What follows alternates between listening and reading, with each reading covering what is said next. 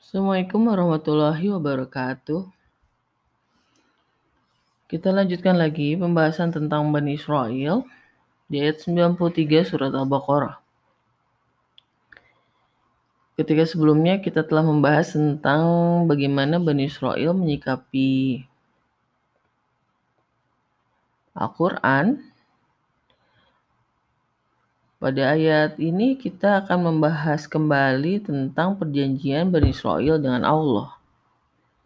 Tapi berbeda dengan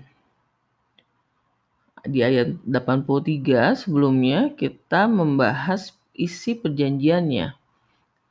Sedangkan di ayat 93 ini kita membahas tentang sikap Bani Israel terhadap perjanjian. Mirip dengan yang telah kita bahas di ayat 63 surat Al-Baqarah. Kita bacakan dulu ayat 93 surat Al-Baqarah. أعوذ بالله من الشيطان الرجيم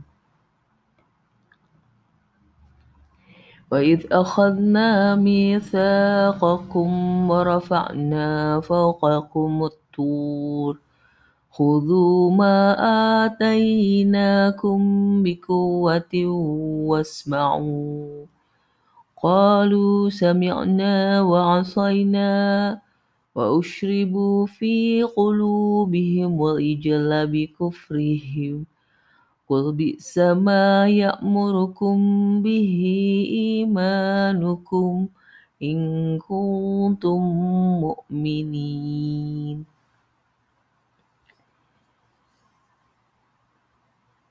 kita menemukan frasa yang sama persis dengan frasa yang terdapat di ayat 63 surat Al-Baqarah yaitu وإذ أخذنا ميثاقكم ورفعنا فوقكم الطور خذوا ما آتيناكم بقوة Bedanya di ayat 63 tidak diikuti dengan kata wasma'u. Di sini diikuti dengan kata dan dengarlah. Sedangkan di ayat 63 diikuti dengan kata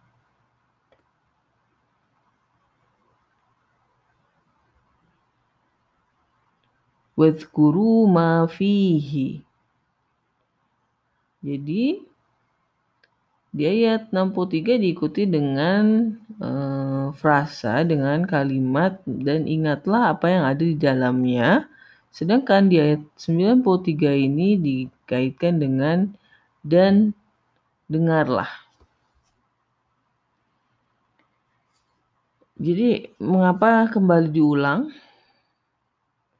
Setelah uh, pembahasan tentang Al-Quran, karena kita juga sudah mengambil kesimpulan bahwa Al-Quran juga kitab Taurat, kitab sebelum yang diberikan kepada Musa isinya sama-sama saja.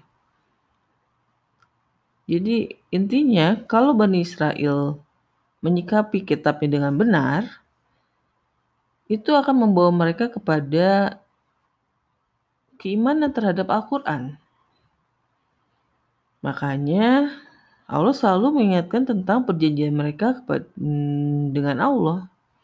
Perjanjian Bani Israel dengan Allah karena ya in, ketika Bani Israel mematuhi perjanjian itu, mengikuti apa yang Allah berikan, maka tidak akan ada kesulitan untuk menerima Al-Quran.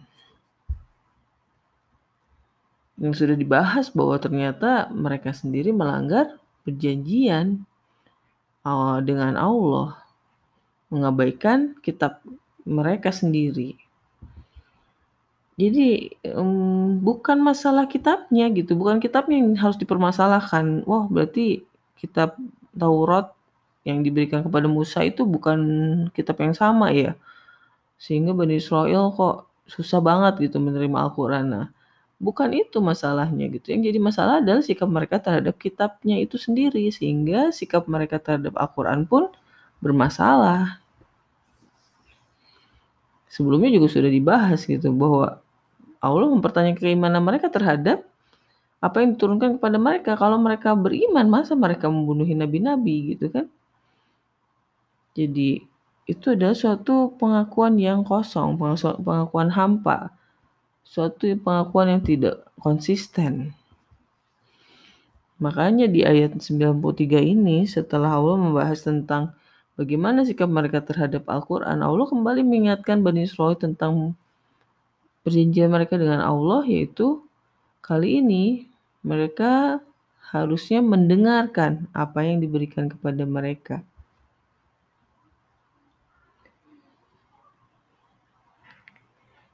Nah, hmm, terus apa yang mereka jawab gitu kan? Kalau di ayat 63 kan hanya disebutkan bahwa mereka berpaling dari perjanjian itu gitu kan. Tidak dijelaskan seperti apa berpalingannya. Tapi ternyata di ayat 93 ini mereka jelas-jelas menjawab bahwa qalu gitu kan. Sami'na wa asaina. Kami mendengar, tapi kami tidak taat. Ini adalah hmm, jawaban mereka sendiri gitu terhadap apa yang telah Allah perintahkan yaitu untuk mengambil apa yang diberikan dengan kuat dan mendengarkan. Mereka jelas-jelas menjawab qalu sami'na wa asaina. Ada perdebatan sedikit tentang frasa ini gitu sami'na wa asaina. Para mufasir ada yang menyatakan bahwa sebetulnya wa asaina ini adalah bukan perkataan mereka tapi faktanya mereka tidak taat. Tapi kalau saya menyimpulkan bahwa memang mereka benar-benar berkata sami'na wa asaina. Jadi mereka benar-benar menolak dari awal gitu. Karena kalau melihat sikap Bani Israel sendiri yang memang ya pengakuan mereka beriman itu kan sebetulnya lebih ke ketika menghadapi orang lain ya. Ketika menghadapi mm, umat Muhammad misalnya. Tapi kalau mereka sendiri terhadap Musa ya dari awal sudah menyatakan ketidakimanan terhadap Musa gitu. Jadi kan perjanjian sendiri itu sendiri walaupun dengan Allah melalui perantara Musa. Makanya ketika mereka diperintahkan untuk mendengar, mereka menjawab kolu sami'na wa asaina. Jadi ya sangat mungkin Bani Israel memang benar-benar mengatakan perkataan ini menunjukkan secara terbuka ketidaktaatannya. Konsekuensinya adalah Allah meminumkan dalam hati mereka anak sapi karena kekafiran mereka. Nah, ini sangat menarik itu. Bagaimana bisa meminumkan dalam hati mereka anak sapi? Karena kekafiran mereka. Jadi bahasa yang dipakai adalah meminumkan, memberikan uh, ya meminumkan ya, jadi kayak memberikan minuman di sini sebetulnya ditambahkan para hmm, terjemah mengatakan bahwa kecintaan mereka terhadap anak sapi. Tapi tidak ada kata kecintaan di sini ya. Hanya ushribu dan meminumkan fi kulubihim dalam hati mereka anak sapi. Bikufrihim. Ijalla bikufrihim. Kalau kita memikirkan tentang minuman gitu, minuman Sebetulnya kan minuman itu adalah pemuas dahaga gitu kan, pemuas, uh, rasa haus, tapi ada minuman-minuman yang ketika kita meminumnya memang masih tetap haus gitu kan. Nah, maka digunakan kata usyribu di sini juga menunjukkan bahwa memang mereka meminum sesuatu yang tidak akan pernah memuaskan mereka begitu kan. Yaitu adalah anak sapi. Nah, anak sapi ini sendiri kan yang dijadikan um, pengganti dari Musa gitu ya. Mereka menyembah atau menjadikan ambil anak sapi setelah ketika Musa memenuhi janji Tuhannya selama 40 malam. walaupun mereka diberikan kembali tetap petunjuk sama Allah, kitab dan Furqan, agar mereka mendapatkan petunjuk, tetap saja ternyata mereka tidak bisa melepaskan diri dari um, anak sapi itu sendiri ya. Keterikatan mereka terhadap anak sapi. Jadi ketika mereka diperintahkan untuk uh, diambil perjanjiannya untuk um, mengambil apa yang Allah berikan dengan kuat dan mendengarkan dan lalu mereka menolak, maka yang Allah berikan karena kekafiran itu adalah um, rasa cinta kembali ya. Jadi ditambahkan kembali diminumkan kembali rasa cinta mereka kepada anak sapi sehingga mereka tidak pernah merasa bisa melepaskan diri dari anak sapi itu sendiri gitu. Jadi ya ini yang disebut candu ya. Jadi meminum sesuatu yang selalu bikin haus gitu kan jadi kayak kecanduan. Ya seperti itulah Allah memisalkan persoalan hati. Ini persoalan hati ya. Jadi hati manusia itu kan memang e, disebut hati karena memang manusia, hati manusia itu bisa berbulak-balik gitu. Makanya disebutnya kulub. Karena dasarnya dari kata itu berbolak-balik. Jadi e, memang sangat mudah disusupi sesuatu yang tidak semestinya begitulah ya karena mudah berbulak-balik. Nah, makanya ketika Allah e, mereka menyatakan ke, kekafiran dengan terbuka, maka Allah memberikan minum meminumkan kepada mereka anak sapi sehingga mereka ya tidak bisa melepaskan diri dari anak sapi. Maka kalau kita merasa jatuh cinta dengan seseorang, kita tidak selalu harus berpikir, wah gile bener ya gue bisa jatuh cinta banget sampai kita nggak bisa berpaling dari orang itu. Tapi yang jadi masalah, apakah jatuh cinta itu memang kita ya sendiri yang secara alami menginginkannya atau yang Allah yang meminumkannya kepada kita? Nah ini harus menjadi pertanyaan gitu.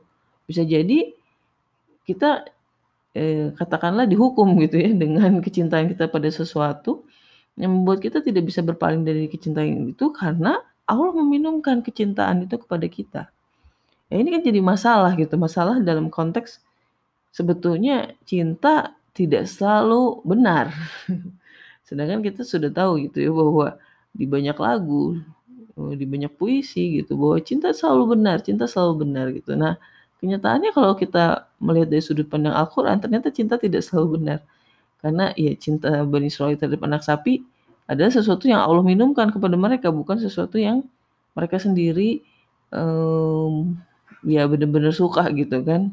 Nah ini kan menunjukkan bahwa ada interferensi Allah dalam hati-hati manusia. Makanya nanti juga kita akan menemukan doa uh, ya mukalibul kulub gitu yang membolak-balikan hati gitu kan Janganlah kami condongkan kepada keburukan. Jadi hati itu ternyata memang um, urusan Allah gitu. Seperti yang kita telah bahas di awal tentang ciri-ciri orang yang kafir dan fasik. Hati manusia itu Allah yang megang. Ada interupsi Allah di situ.